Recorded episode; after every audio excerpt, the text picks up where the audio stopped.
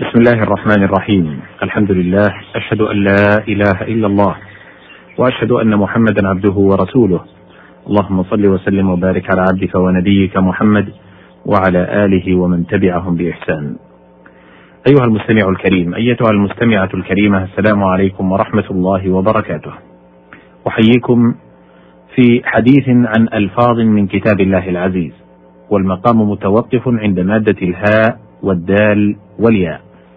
وذلك قوله تعالى اهدنا الصراط المستقيم أي دلنا إليه وأرشدنا. وهوادي الخيل متقدمها وكذلك الهاديات. ومنه قول امرئ القيس كأن دماء الهاديات بنحره عصارة حناء بشيب مرجل. وهديته إلى كذا أوصلته إليه. قال تعالى فاهدوهم إلى صراط الجحيم. وقوله تعالى إنك لا تهدي من أحببت أي لا تخلق في قلبه الهدى. فلا منافاة بينه وبين قوله تعالى وإنك لتهدي إلى صراط مستقيم. معناه تدعو إلى صراط. وقوله تعالى أو أجد على النار هدى أي دليلا يدلني على الطريق. وقال الراغب الهدى دلالة بتلطف ومنه الهدية. وهواد الوحوش المتقدمات الهادية لغيرها. وخص ما كان دلالة بهديت وما كان إعطاء بأهديت. ثم قال إن قيل كيف جعلت الهداية دلالة بتلطف وقد قال تعالى فاهدوهم إلى صراط الجحيم. ثم أجاب أنه من باب التهكم كقوله تعالى فبشرهم بعذاب أليم وقول الشاعر تحية بينهم ضرب وجيع. والهدي والهدي لغتان وهما ما يهدى لبيت الله تعالى من بدنة وغيرها. قال الفراء أهل الحجاز وبنو أسد يخففون الهدي وتميم وسفلى قريش يثقلون الياء. قال الفرزدق حلفت برب مكة والمصلى وأعناق الهدي مقلدات الهاء والشين والشين. قال سبحانه وتعالى في سورة طه هي عصاي أتوكأ عليها وأهش بها على غنمي. أي أخبط الشجر ليتناثر ورقه فترعاه الغنم. يقال هش يهش أي فعل ذلك. وهش للمعروف يهش بالفتح أي ارتاح. ويقال هاش بمعنى هش. قال الراعي فكبر للرؤيا وهاش فؤاده وبشر نفسا كان قبل يلومها. وقال الراغب الهش يقارب الهز بالشيء اللين ورجل هش أي طلق المحيا وقد هششت أي فرحت. الهاء والشين والميم. قال سبحانه وتعالى في سورة الكهف فأصبح هشيما أي فتاتا متكسرا.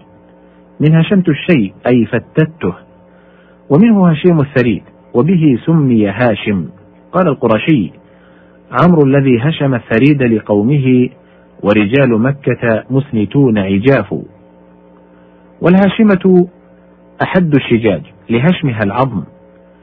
وقوله تعالى كهشيم المحتضر أي لما هلكوا صاروا مثل حطام النبات الذي يتخذه الراعي حظيرة في كونه هشيما متكسرا وما أبلغ تشبيهات القرآن واهتشم كل ما في ضرع الناقة أي امتصه. الهاء والضاد والميم. قال سبحانه في سورة طه فلا يخاف ظلما ولا هضما أي نقصا. وفي التفسير لا يخاف أن يظلم فيحمل ذنب غيره ولا يهتضم فينقص من حسناته. ومنه دواء يهضم الطعام أي ينقص ثقله. ويقال هضمته واهتضمته وتهضمته أي نقصته حقه. قال المتوكل الليثي إن الأذلة واللئام لمعشر مولاهم المتهضم المظلوم. قيل والظلم والهضم متقاربان. وفرق الماوردي فقال الظلم منع جميع الحق والهضم منع بعضه. وعن بشر بن المفضل وقد قال لابنه لم تشرب النبيذ؟ فقال إنما أشرب القدح والقدحين لينهضم طعامي. قال والله لهو لدينك أهضم. الهاء والطاء والعين. قال سبحانه وتعالى في سورة القمر مهطعين إلى الداع. أي مسرعين. يقال أهطع يهطع إهطاعا. فهو مهطع. أي سريع الإجابة لداعي رب العالمين. قال الشاعر إذا دعانا فأهطعنا لدعوته داع سميع فلبونا وساقونا. وقال الأخفش الإهطاع هو الإقبال على الإصغاء. قال يزيد بن مفرغ الحميري بدجلة أهلها ولقد أراهم بدجلة مهطعين إلى السماع. الهاء واللام والكاف. قال الله تعالى في سورة الكهف وجعلنا لمهلكهم موعدا أي لوقت هلاكهم.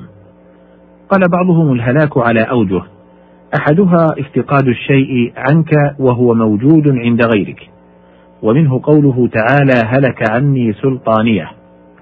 والثاني هلاك الشيء باستحالة وفساد كقوله ويهلك الحرث والنسل.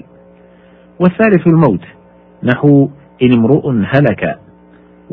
وما يهلكنا إلا الدهر. حتى إذا هلك قلتم. قال الراغب لم يذكر الله تعالى الموت بلفظ الهلاك حيث لم يقصد الذم إلا في هذا الموضع يعني إن امرؤ هلك. وفي قوله حتى إذا هلك قلتم لن يبعث الله من بعده رسولا. وقوله تعالى ولا تلقوا بأيديكم إلى التهلكة قيل التهلكة ما يؤدي إلى الهلاك والهلوك المرأة المتمايلة في مشيها. الهاء واللام واللام. قال سبحانه وتعالى في سورة البقرة وما أهل به لغير الله أي صرح باسم غير الله عند ذبحه كما كانت الجاهلية يفعلون عند ذبح نسائكهم فيقولون باسم اللات باسم العزى. والإهلال رفع الصوت ومنه استهل الصبي وأهل بالحج إذا رفع صوته بالتلبية به. قيل وأصل ذلك من الهلال لأنهم إذا رأوه صرخوا برؤيته ورفعوا أصواتهم بها. وقوله تعالى يسألونك عن الأهلة هي جمع هلال. وانهل المطر صبا صبابا شديدا والمطر يسمى هللا وأهلولا قال امرؤ القيس لمن زحلوقة ذل بها العينان تنهل. هنا ينتهي وقت هذه الحلقة بانتهاء هذه المادة. أشكر لكم طيب استماعكم وأسأل الله أن يجمعنا بكم في قريب.